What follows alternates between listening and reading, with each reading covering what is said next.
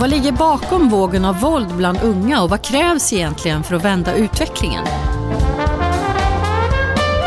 Lyssna på en öppen föreläsning från Stockholms universitet.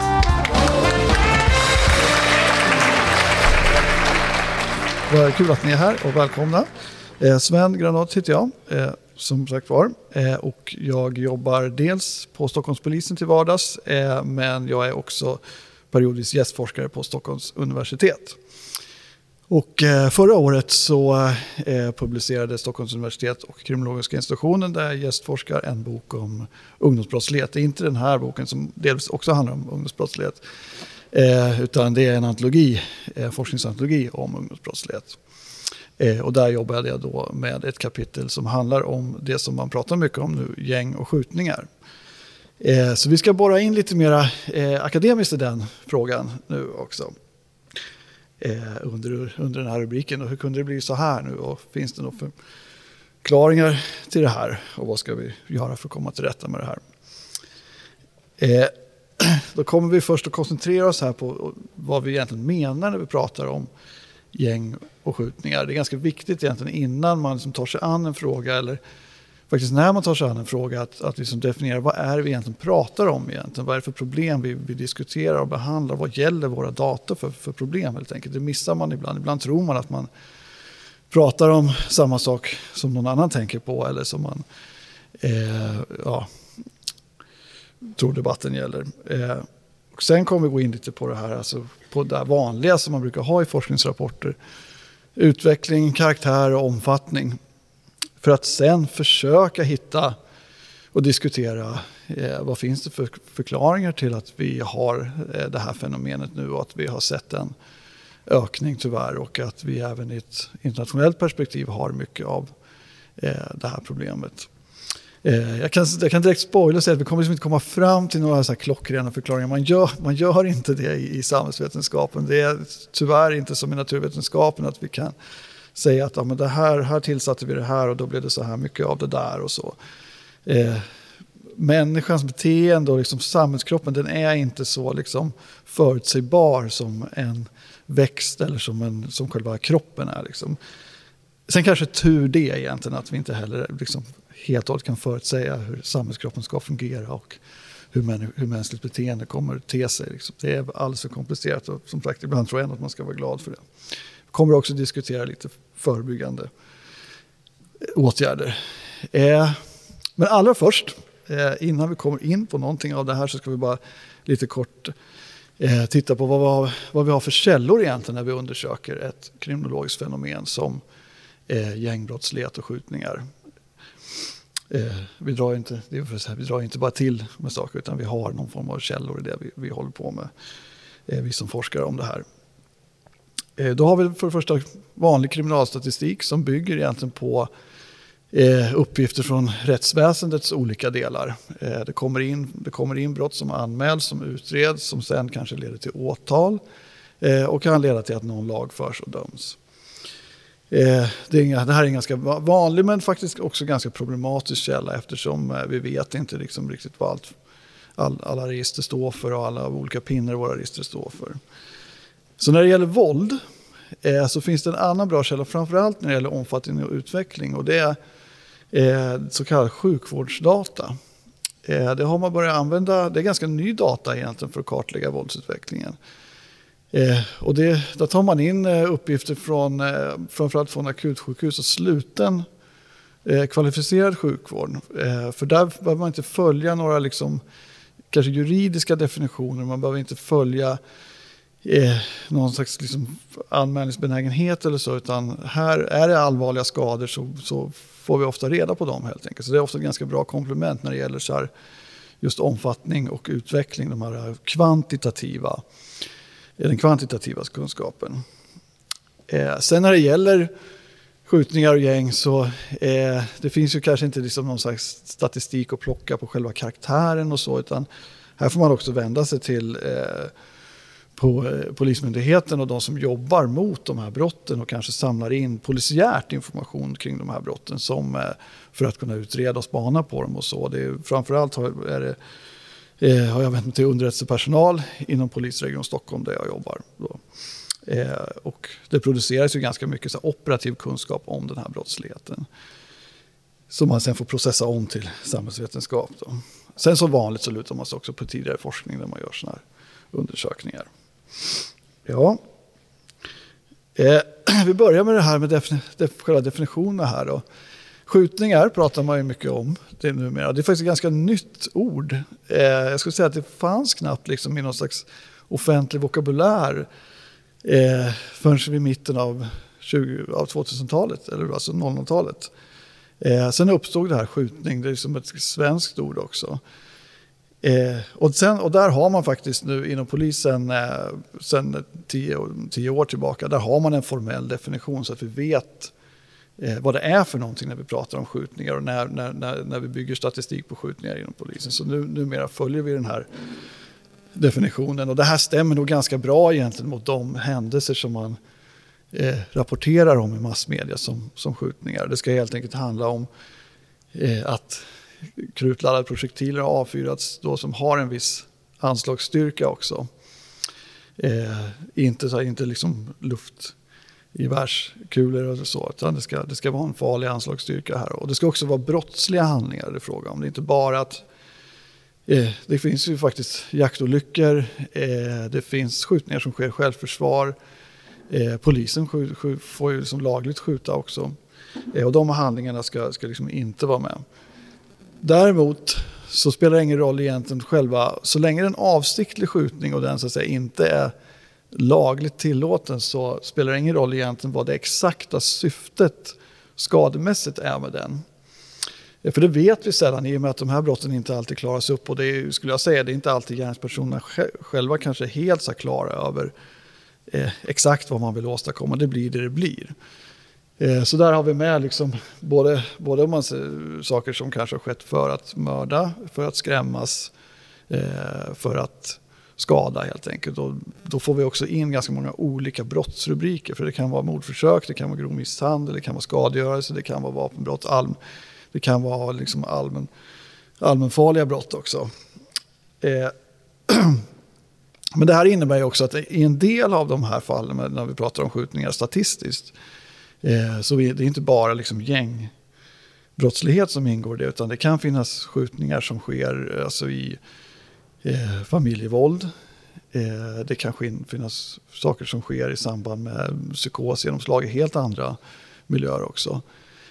Nu kan jag säga att de flesta skjutningar eh, som vi nu ser i statistiken och som man upplevt, det är lite som det vi upplevt, det är sådana här alltså i samband med kan man säga, yrkeskriminalitet. Då. Skulle vi, skulle vi stått här för 30 år sedan då skulle vi ha haft en betydligt större andel som var andra typer av illegala skjutningar, som var en annan typ av våld som skedde kanske då i, inom ramen för familjevåld, inom ramen för grannfejder med jaktgevär och så. Men numera är det, är det liksom skjut, skjutningar. Även om vi har med några sådana pinnar så på, inom familjevåld så är det mesta saker som sker inom någon slags eh, ung gängbrottslighet. Eh, och det är också då eh, numera i de flesta fall illegala vapen det är fråga om. Eh, här har vi två exempel på vanliga typer. Det ena till, till, eh, till vänster här det är ett automatvapen, en Kalashnikov, eh, det vill säga en en automatkarbin eh, som skjuter ganska kraftig men smal ammunition. Eh, som är en ganska vanlig typ som man beslagtar och ser används för skjutningar, för skjutningar nu i Stockholm. Eh, det andra är en Glock-pistol, en semiautomatisk pistol och en ganska vanlig modell också. Eh, rent fabrikatmässigt är det här två ganska typiska och inom de gängkriminella kretsarna populära vapen. Av olika orsaker. Sen då frågan, vad menar vi då med gäng när vi pratar om det då? Eh, då kan det vara det som vi ser till, ja, till, till, vänster här helt enkelt, alltså gäng i den mer amerikanska bemärkelsen. Det är självmarkerande gäng eh, där man har någon slags öppna symboler och man vet ganska väl även inom gänget och utanför gänget vilka som är med och vilka som inte är med. Det kan till och med finnas medlemslistor. Eh, I Sverige är de här ganska ovanliga, den här typen av gäng. Vi har eh, vissa mc-klubbar som vi kategoriserar som, som gäng helt enkelt, som kriminella nätverk av den typen. Eh, vi har inte så mycket av det här som vi ser ovanför, som de kallas för Latin Kings, de här som är de här från eh, någonstans i mitten av USA. Eh, det är ganska, o, jag tror knappt vi har någonting av det i Sverige där man verkligen har en tydlig symbol. Man har ofta speciella, eh, speciella tatueringar som alla har, speciella tecken eh, och man kan ha vissa invigningsritualer och så. Men det är väldigt, så det är väldigt tydligt liksom vilka som är med och vilka som inte är med och man är också öppen för det här inför omvärlden. Men vi, det, det, är egentligen det som man inom kriminologin menar är gäng. Men det, det, är inte den vanliga typen av gäng egentligen i Sverige när vi pratar om gäng. Utan då är det istället något som finns här till höger som man kallar för lokala kriminella nätverk. Eh, och det är oftast liksom en, ett, så att säga, en krets av personer som känner varandra väl. Eh, bor kanske inte, har åtminstone vuxit upp ganska nära varandra. Och som binds ihop genom att man har ganska många så gemensamma brottsdeltaganden och länkar på olika sätt till varandra. Både genom brott men kanske också genom andra eh, sociala kontakter. Vi ser att de här personerna liksom umgås mycket, de planerar brott tillsammans men de åker ofta runt i samma bilar. Eh, de kan vara med i samma fotbollsförening till exempel. Eh, och då är det som vi kallar då, är, då, då, säger man inom polisen att det här är ett kriminellt nätverk. Men det är inte så att de här personerna själva säger att vi är det kriminella nätverket det och det. Liksom. Eh, sen när, vi, när, man tar ut den här termen, det begreppet till massmedia, då, man, då, då pratar man ändå oftast om, om gäng. Liksom. För det här begreppet kriminella nätverk som man använder inom kriminologin, eh, det är svårt att liksom slå igenom, det slår inte igenom. Gäng är ett bättre ord helt enkelt. Då. Och som sagt, de flesta av de gäng då, eller kriminella nätverk som vi har i Sverige och framförallt i, i Stockholm, det är det som vi kallar för eh, lokala kriminella nätverk. Eh, sen har vi också andra kriminella nätverk som ligger under den här definitionen att det är grupper som hålls ihop då genom organiserade brottsdeltagande då i kombination med andra faktorer.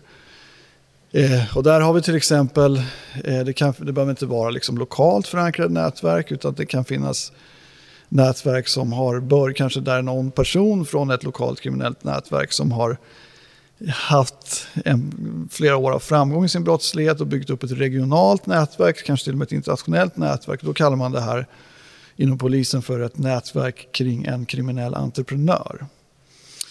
Eh, och de har oftast liksom lite större räckvidd, ofta lite äldre, kanske lite mer sofistikerade i sin brottslighet. Och, eh, det finns ett antal sådana nätverk också.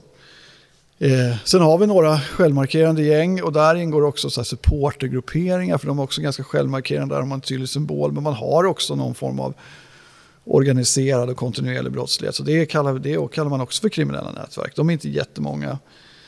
Sen har vi också så kallade extremistnätverk.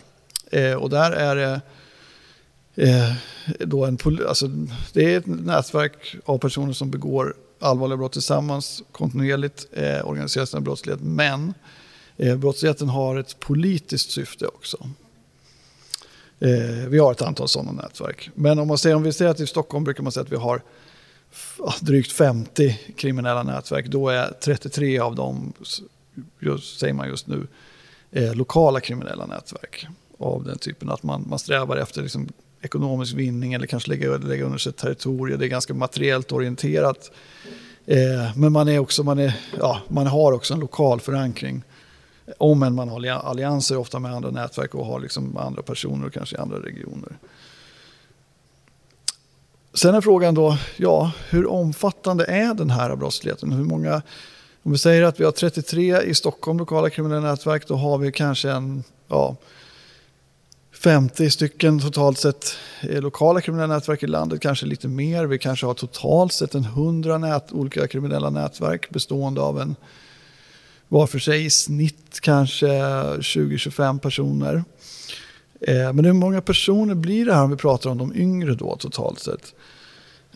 Jo, då kan man räkna lite på det här just då, på medelålder i, i, i de här nätverken, vad polisen känner till och utifrån hur många nätverken är och, och, och eh, lite andra data, då kan man komma fram till att när det gäller yngre personer, som är de vanligaste, så handlar det faktiskt om en, det handlar om en 1000 till 1500 personer totalt sett.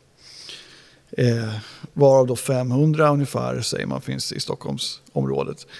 Eh, det här är som sagt det här är väldigt mycket uppskattningar. Man ska ta de här siffrorna, liksom, det är mellan skål och vägg. Man ska verkligen ta de här siffrorna med lite nypa salt. Men det är någon slags uppskattning i alla fall om man börjar sätta sig och räkna rationellt på det här.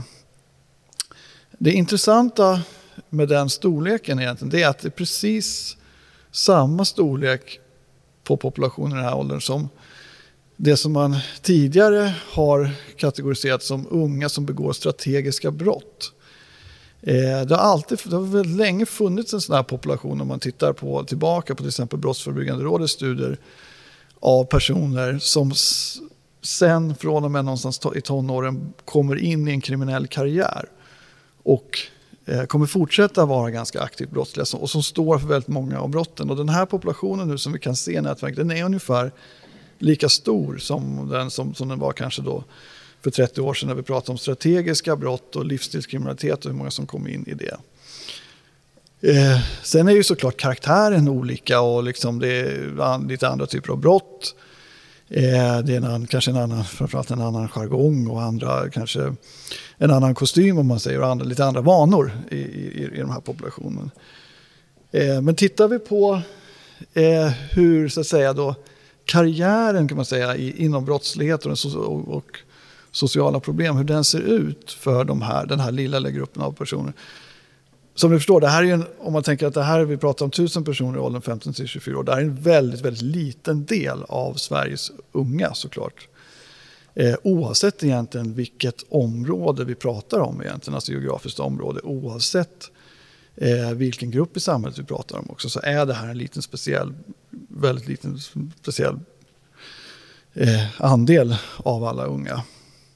Men om man tittar då på liksom ungefär hur det brukar utveckla sig så kan man säga att man ser det här vanliga, liksom att, eh, att redan då i mellanstadieåldern så kan man se att de här personerna de gör sig kända eh, för vuxenvärlden och lite kanske av myndigheter för eh, problem med skolsituationen, problem i skolan. Eh, man stjäl ganska mycket. Det är inte, alltså, snatteri är absolut inget ovanligt brott bland, bland ungdomar men man börjar med det ganska tidigt.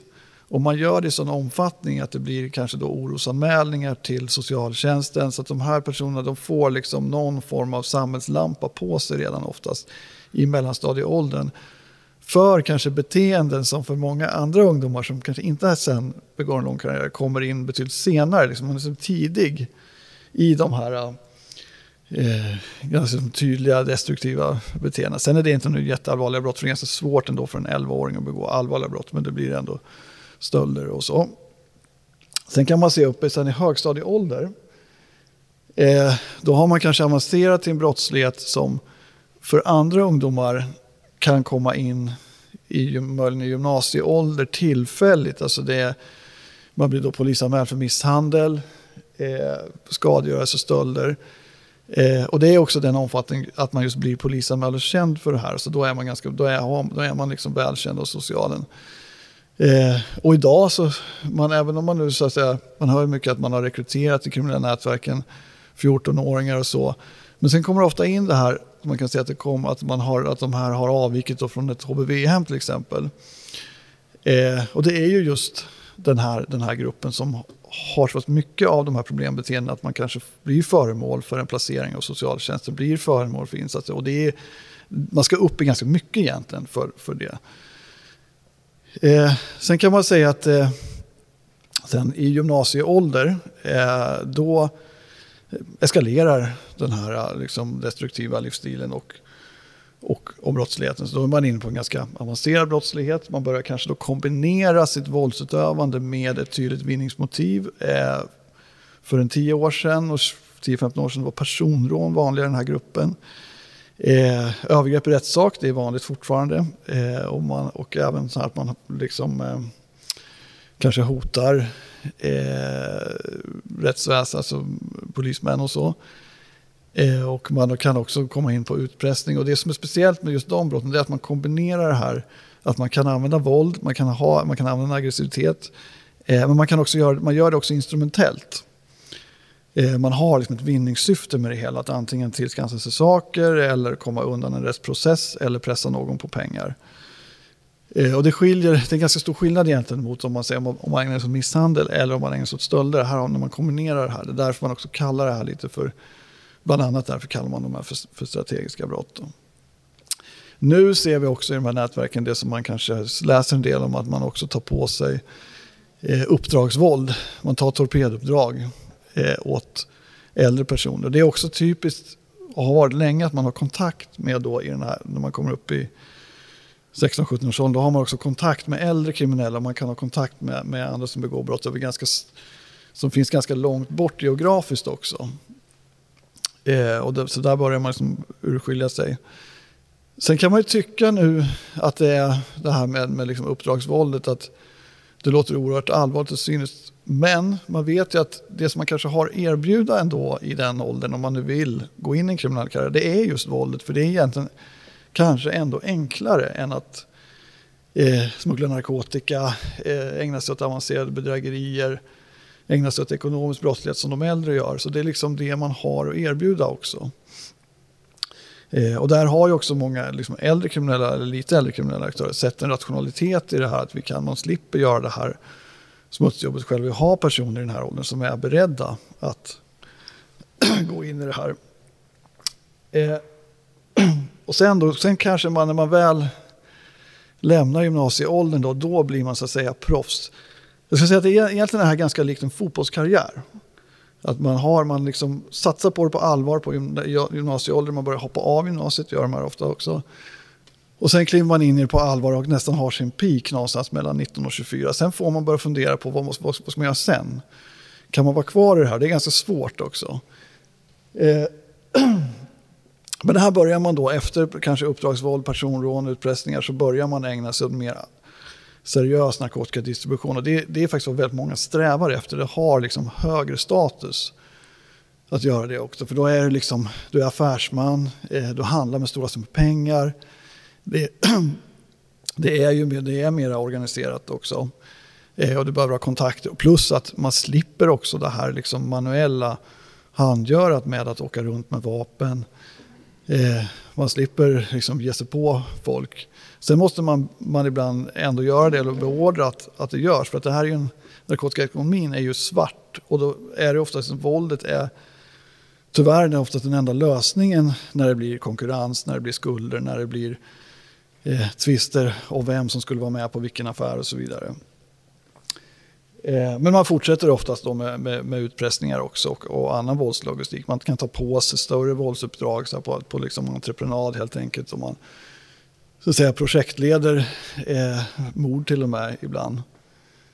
Eh, och ofta då, det är man inte bara, då är det inte bara i den här rollen bara socialen som har eh, kännedomen, utan där har det oftast kommit in, många av de här som, som är kvar i den här åldern har ju oftast erfarenhet av fängelsestraff. Eh, man kanske sitter på sluten ungdomsvård i 17-årsåldern, sen, så, sen har man ofta här fängelsestraff. Oftast inte så långa fängelsestraff, men man har, man har den erfarenheten när man är i den åldern.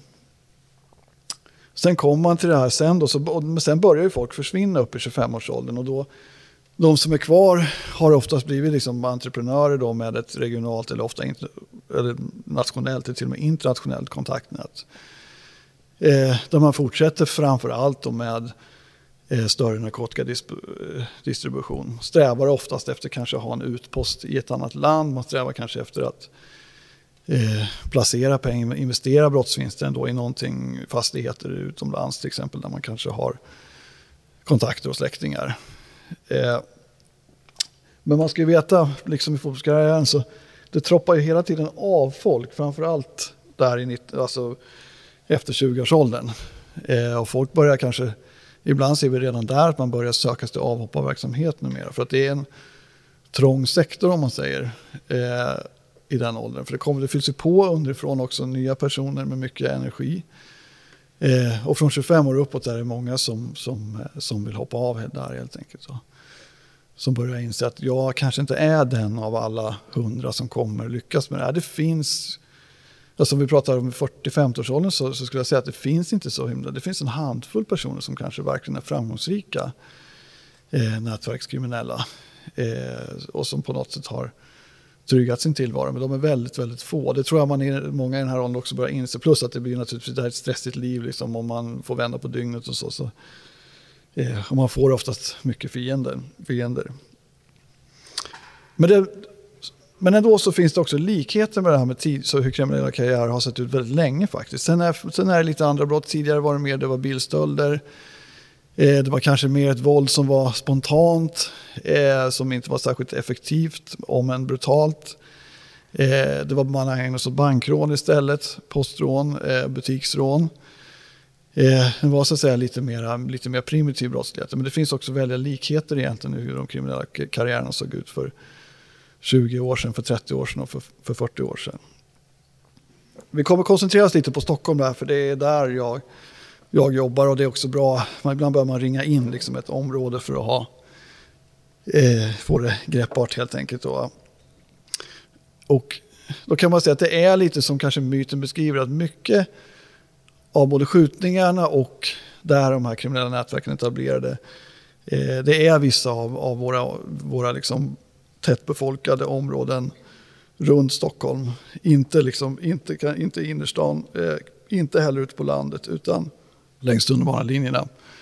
Eh, och vi kan se här, och det är precis där som, ändå, som skjutningarna oftast sker också. Nu har man pratat lite om att ja, men nu skjutningarna kommer in till stan och så vidare. Men jag skulle säga att den här, det finns en väldigt, väldigt kraftig slagsida liksom på eh, vissa förorter. Sen kan det variera vilka det är, för det är ganska personberoende där också.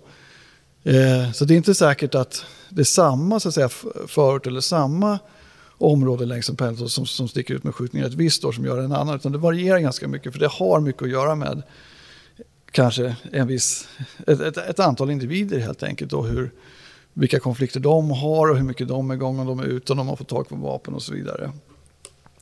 Men det man kan säga, det finns vissa, vissa områden, eh, där har vi som ganska haft kontinuerligt mycket skjutningar och det är ju eh, Järvaområdet till exempel fram till eh, 2022 skulle jag säga. Eh, där hände någonting. Eh, så tack och lov har det, där har, så har det minskat i just Järva ganska ordentligt sen början av 2022. Men där har man haft, man har också haft ganska trångt mellan de kriminella nätverken. Det bor ju väldigt mycket folk i Järva också. Eh, ungefär 80 000 personer totalt sett om man slår ihop Kista, Husby, Rinkeby och Tensta.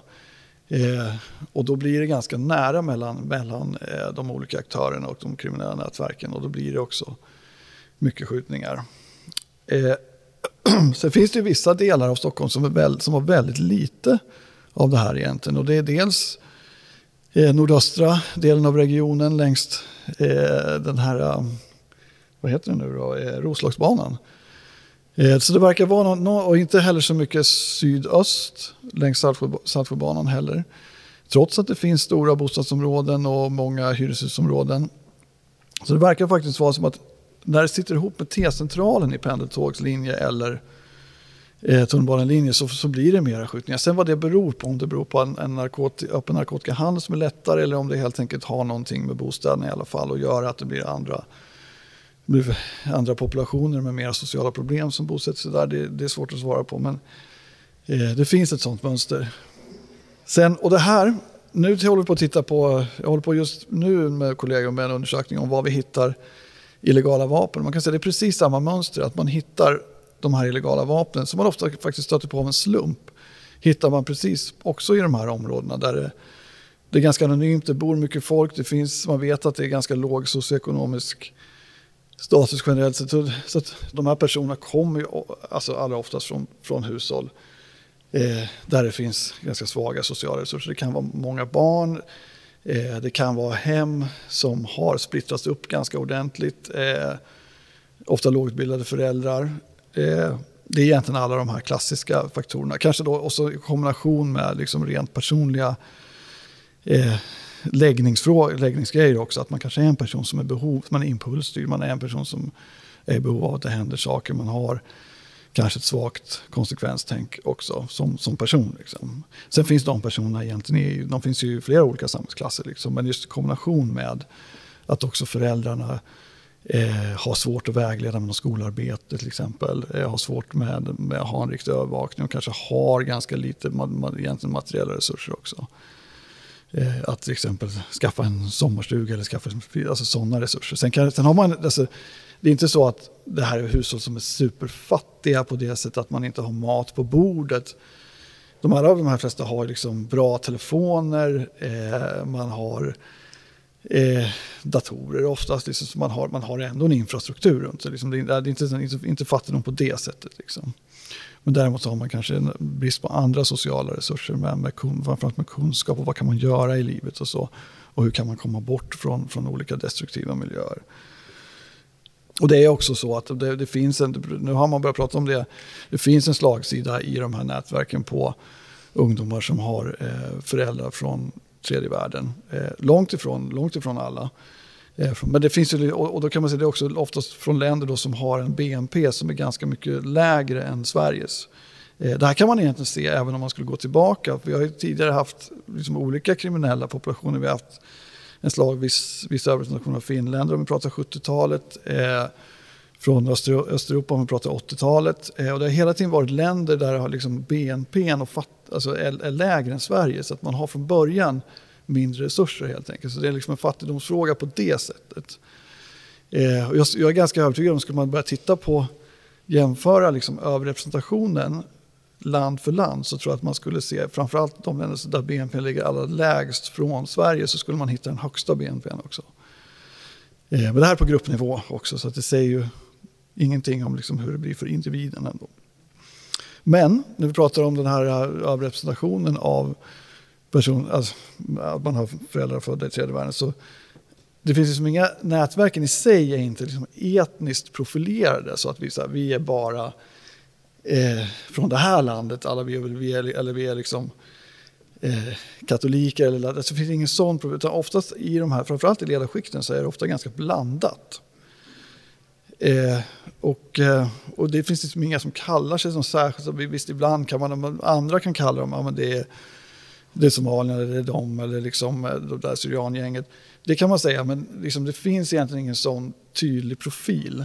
Utan, och särskilt skulle jag säga nu de senaste åren kan man säga att det är ganska mycket samarbete Men. Det kan vara killar som kommer från Dalarna och kör EPA, men de har de här problemen och de har, blivit, de har dragits in i ett nätverk där det är någon person som kanske är från, som är från Turkiet. En väldig mix liksom, sådär, i, i det. Eh, vilket gör det svårt att förklara det här kulturellt, utan det kanske snarare är i grund och botten en, en resursfråga från, från olika ställen. Ja, jag mässar på här. Eh, om, nu har vi pratat lite om omfattningen och karaktären eh, på den här brottsligheten. Eh, vi har fortfarande inte kanske nått någon riktig förklaring varför, varför blir det så här. Men då ska vi också titta på när börjar det här egentligen, på själva utvecklingen.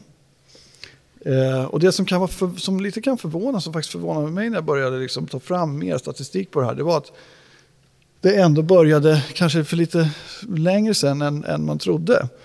Bland de yngre så kunde man se att runt ja, i början av 2010-talet så började det tydligt, liksom, trots att annat våld inte ökar, om vi tittar på just mord, eh, så blev de som skedde med skjutvapen betydligt, där var där de började bli betydligt fler. Vi hade, det blev en ganska brant uppgång. Jag kan säga att bland de som var lite äldre så började det tidigare än så. Det började runt kanske 25-26 egentligen.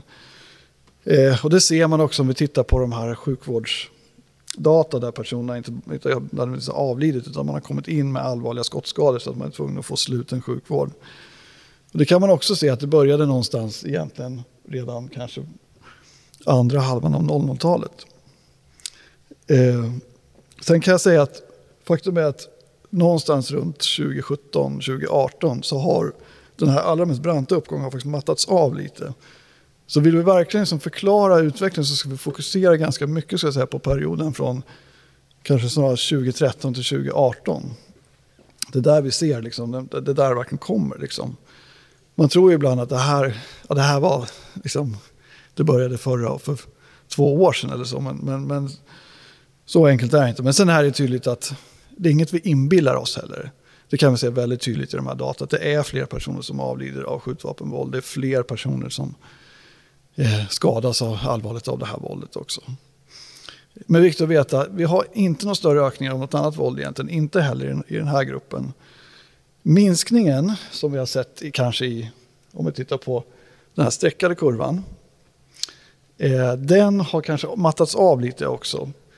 Eh, det här är ofta, det är ofta, ofta ett alkoholrelaterat våld med trubbiga skador som kan vara ganska allvarliga. Där såg vi länge en minskning, men den har nu, och det finns också knivvåld i det våldet, Eh, men där ser vi nu tyvärr en minskning, vilket kan vara tecken på liksom, eh, ja, att det är inte så enkelt att det bara är en ökning av, av tillgång på skjutvapen heller. Det kommer komma lite till, till förklaringarna också. Eh, men i alla fall, det är viktigt, alltså det är någonting som verkar hända där runt kanske 2011, 12, 13, 14 egentligen då. Och vad är det som händer då? Jo, det kommer väldigt mycket ny kommunikationsteknik. Eh, vi har också fått en Öresundsbro eh, där har blivit, som har gjort att det faktiskt är mycket lättare att smuggla in narkotika och vapen. Eh, och det är just här som de smarta telefonerna står igenom och vi ser från ett polisiärt perspektiv att de är otroligt viktiga för just det här våldet. För att kunna administrera det, men också för att kunna administrera vapnen. Man swishar pengar, eh, man visar filmer på hur, hur, hur, vapnen funkar, var de ligger. Man har också möjlighet att kommunicera, man kan starta WhatsApp-grupper och sen förut som ni vet har man startat eh, grupper i, i liksom krypterade chatt, alltså chattar som är väldigt svåra att kryptera som, som bara liksom personer i den här miljön använder. Eh, och det är också därför som man kan se, man ser också de, just de här nu ganska stora kontaktytorna helt plötsligt mellan kanske killar som är verksamma i Stockholm, eh, i andra länder i Europa kan helt plötsligt ha kontakt med killar som finns i, på något HBV-hem i Småland, eh, i Dalarna eller så. Eh, så de är, de är, de är oroade. Det här har varit viktigt.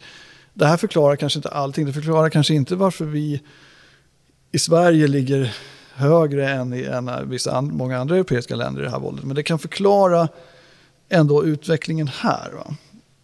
Eh, för den här tekniken den har gynnat både, liksom, både, både liksom tillgången på vapen, tillgången på, eh, på narkotika också som en viktig faktor.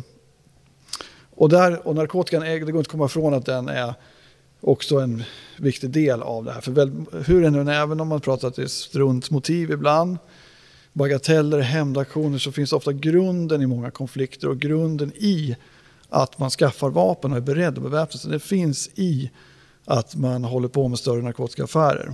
Och det har också blivit mycket lättare med den nya tekniken. Nu kan det vara en trio på 18-åringar som helt plötsligt kan handla med narkotika och ha en, ha en viss ekonomi i det. Liksom. Samtidigt som det blir lätt os osämja i det. Och då, om man skaffar gärna vapen för att förebygga då, eh, så att säga, i det här. Det är en del, det är liksom en del av, av livsstilen. Återigen, det här förklarar liksom fenomenet på samhällsnivå. Det förklarar utvecklingen. Det förklarar inte vem, varför just den här personen kom in i det här. Det förklarar inte varför just eh, vi ser fler från den här gruppen. Det gör det inte. Utan det förklarar liksom nivåförändringen. Eh, ibland rör man ihop det här lite och tvärtom. Ibland vill man förklara en samhällsutveckling, en nivåförändring på mer så personligt sätt. Att, ja, men det, de, har, de har lite impulskontroll och man är beredd att ta till vapen. Det förklarar liksom vem det är och hur, de här person, hur vissa personer fungerar som finns där. Men det förklarar egentligen inte varför nivån på det här ökar. Om man går bakåt lite i tiden så kan man säga att runt på 30-talet eh, då hade vi väldigt lite vad vi vet i alla fall, dödligt våld i Sverige. Eh, och, men samtidigt så tror jag att många av de faktorer som finns för de individer som begår de här brotten, de fanns ju då också. Det var frånvarande fäder, det var våld i hemmet, eh, det fanns givetvis diagnoser, men eh, det blev inte sådana situationer så ofta. Att man, att man eh, blev, det blev våld på liksom öppen gata, för man hade inte så mycket alkohol helt enkelt. Och det var en ganska hög social kontroll. Så det var liksom Häng med här, man måste söka olika faktorer om vi ska förklara varför en individ eller en liten grupp av individer skiljer ut sig från en annan. Men man måste, jämfört med om vi ska prata om varför en tid eller ett land skiljer ut sig från en annan tid eller ett annat land. Men sen har vi någonting som inte heller kan komma runt om vi, om vi tänker på att kanske har i alla fall minskningen i lite annat våld också stannat upp bland unga. Eh, och det kan finnas alltså sociala förändringar, att vi har Eh, vi har ökade inkomstskillnader. Eh, samhället idag är mera liksom, konkurrens, man är mer konkurrensutsatt som ung, ung människa idag. Eh, och det kanske är så att det finns, på samma sätt som vissa skolor har blivit väldigt liksom, eh, bra på att få fram duktiga elever så kan vissa skolor ha blivit sämre också. Det kanske är så att det har uppstått en typ av resursbrist, till exempel vissa skolor på grund av ökade inkomstklyftor och, och liksom eh, omstrukturering i samhället. Eh, och det går inte att komma ifrån heller att om vi har stora populationer där föräldrarna har liksom vuxit upp helt utanför välfärdssystem och kanske då i, i, krig och konflikter. Ja, då kan vi också få fler otrygga uppväxter. Så enkelt är det. Liksom. Det behöver inte vara fråga om liksom, kultur och religion egentligen. Men däremot om man då har en stor del som är uppvuxen utanför välfärdssystemen helt från början. Fast vi har de systemen här. Då är frågan, då på något sätt så kanske vi är mindre, blir mindre av ett välfärdssamhälle. Inte minst i kombination med att vi kanske själva, att man även här krymper i välfärden också. Sen har vi någonting annat som eh, kanske kan vara lite så här svårförklarat. Det är det som jag kallar för den självspelande pianoeffekten. Eh, och det är att det kanske är så att visst, vi ser en nästan tiofaldig uppgång under, vissa, under en viss period av skjutvapenvåld. Och vi vet att narkotikan har en viktig roll i det. Men det kanske inte är så att, att narkotikamarknaden har blivit tio gånger större. Däremot kan det vara så att den har blivit större. Och i och med att den här brottsligheten, det här våldet är lite så att det föder hela tiden nya våldsbrott. Då kan det bli så att en liten förändring kan ge en ganska stor ökning på sikt. Fast grundorsaken behöver inte ha varit liksom, behöver inte liksom ha förändrats. Den har förändrats men inte jättemycket. Eh, det här kan förklara till exempel varför vi, varför, när vi väl har fått det här våldet, varför vi då ligger mycket högre än vissa andra länder till exempel. Det behöver inte vara så att vi, har, vi är inte tio gånger mera eh, digitaliserade än Tyskland. Liksom. Men vi är mer digitaliserade. Och i och med att de här brotten klaras inte upp, det dras in nya personer, de, de, de som växer av sig själv, alltså, så räcker den här, en, en, en som, att det finns en skillnad det behöver inte vara tio gånger större, men den kan faktiskt räcka för att på just det här våldet göra att det blir en väldigt stor skillnad mellan en tid nu och en tid för 20 år sedan eller mellan Sverige och ett annat land just nu. Jag vet inte, man kan jämföra med någon form av matlagning, liksom, att man kan tillsätta någonting och sen så blir det liksom mycket mer effekt än vad man, vad man har tänkt sig. Ja, hur ska vi då om man, vi har pratat lite om förklaringarna här då, så att säga, som kanske inte, de, återigen, det är mycket spekulationer liksom. Eh, men hur kan vi då förebygga det här? Nu pratar vi på samhällsnivån för att få ner nivån, kanske inte på den individuella nivån. Vad, det, vad ska vi göra liksom för just den här individen? Eh, där kommer vi till andra saker. Men om man tänker att de här tekniska bitarna är väldigt viktiga, alltså verktygen man har att, att begå det här våldet. Eh, så är det självklart så att får vi bort mer av de illegala vapnen så, är, så, kan vi, så skulle vi kunna få ner det här våldet.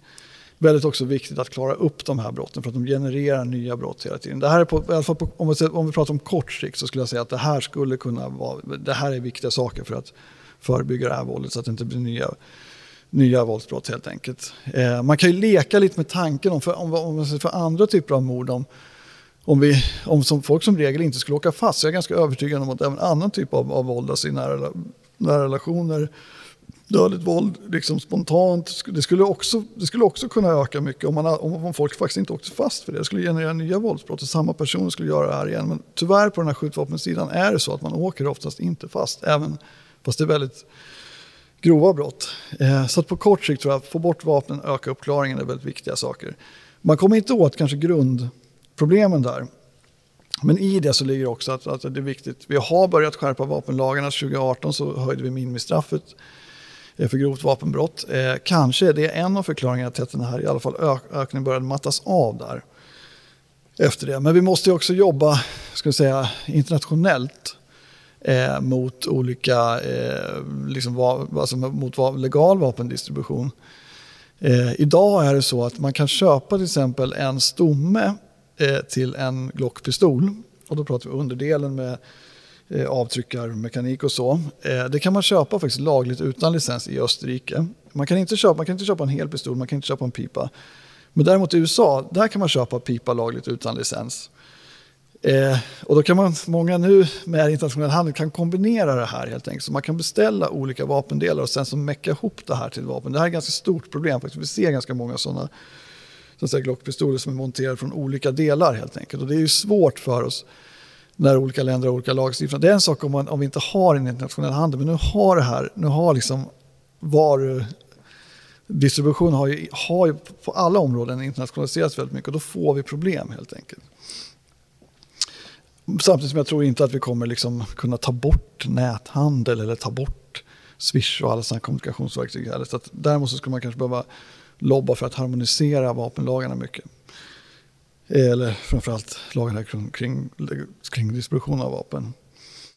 Eh, sen ser vi så att lokala brottsförebyggande initiativ kan vara jättebra ibland när det gäller att komma åt vissa grupper. Så här, eh, där man eh, försöker fånga in och punktmarkera de här individerna, erbjuda någonting annat.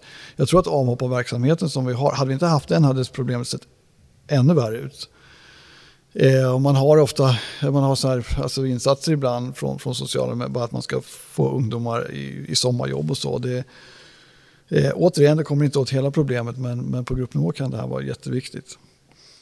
Eh, sen har vi det här svårare här med liksom att, som är grund, grunden att ja, men hur får vi liksom fler, färre otrygga uppväxter? Va? Och, eh, och där, ja, det, jag menar, vi kan ju liksom inte samhället kan ju liksom inte riktigt eh, säga åt alla att ni måste läsa mera läxor med era barn. Det är väldigt, ska vara svårt att komma åt det. Men jag tror med liksom en, om man ändå satsar på välfärd och så, vi har en bra skola, vi har bra förskolor, då får vi, där finns det någon slags trygghet där. Och tror jag, skulle vi inte ha det skulle vi hamna, kunna, det skulle kunna gå väldigt illa om vi börjar skära i de systemen nu. Eh, men det är återigen, det här funkar liksom på gruppnivå det är väldigt svårt, så på individnivå. Vi kommer nog alltid ha otrygga och dåliga uppväxter och, och trauman under, under uppväxter på, på olika sätt. Liksom. Men om vi har bra förskolor, vi har bra mödravård, vi har bra sjukvård, vi har ändå någon slags social så kan vi ändå liksom fånga upp en del av problemen, men, men inte allt. Då.